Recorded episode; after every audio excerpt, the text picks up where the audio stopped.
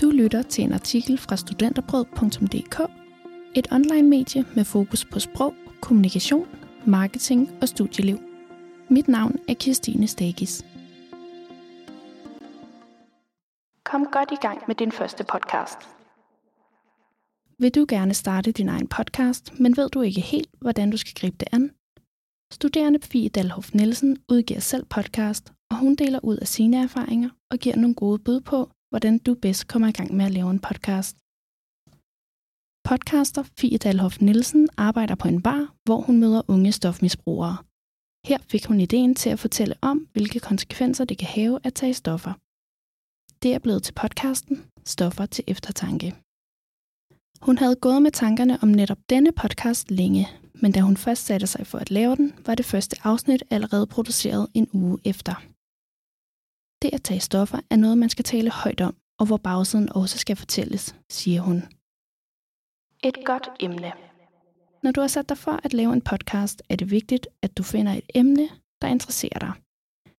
Du kan eksempelvis lytte til forskellige podcasts og blive inspireret af dem. Emnet er vigtigt, fordi du skal bruge mange timer på at forberede og producere podcasten. Fie Dalhoff Nielsen nævner dog også, at man som podcaster har et ansvar, specielt når emnet er følsomt. Gæsterne skal være trygge, for det er personlige historier, der bliver fortalt. Gå i gang. Efter du har fundet dit emne, skal du for alvor i gang. Du skal nu finde ud af, hvem din målgruppe er, og her giver Fie Delhoff Nielsen et godt råd.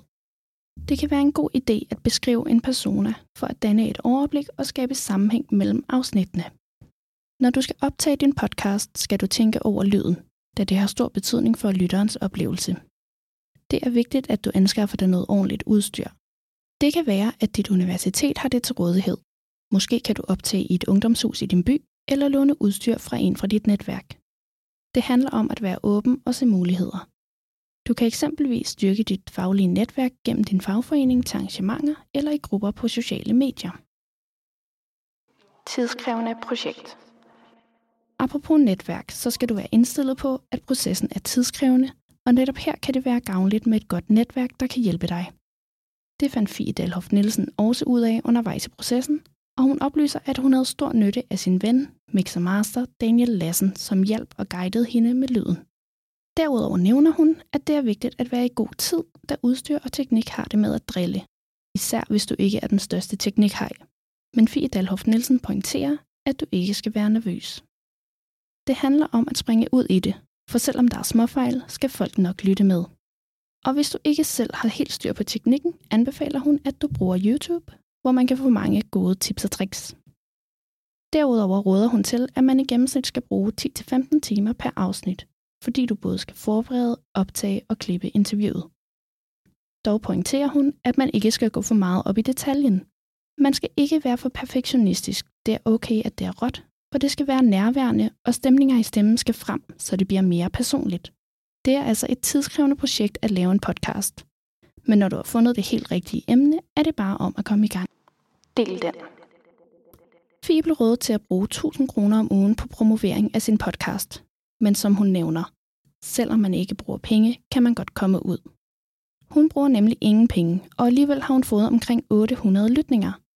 Men du skal selvfølgelig dele din podcast, og her anbefaler podcasteren, at du gør brug af Facebook og Instagram, fordi mange podcastlyttere i forvejen er til stede på disse medier.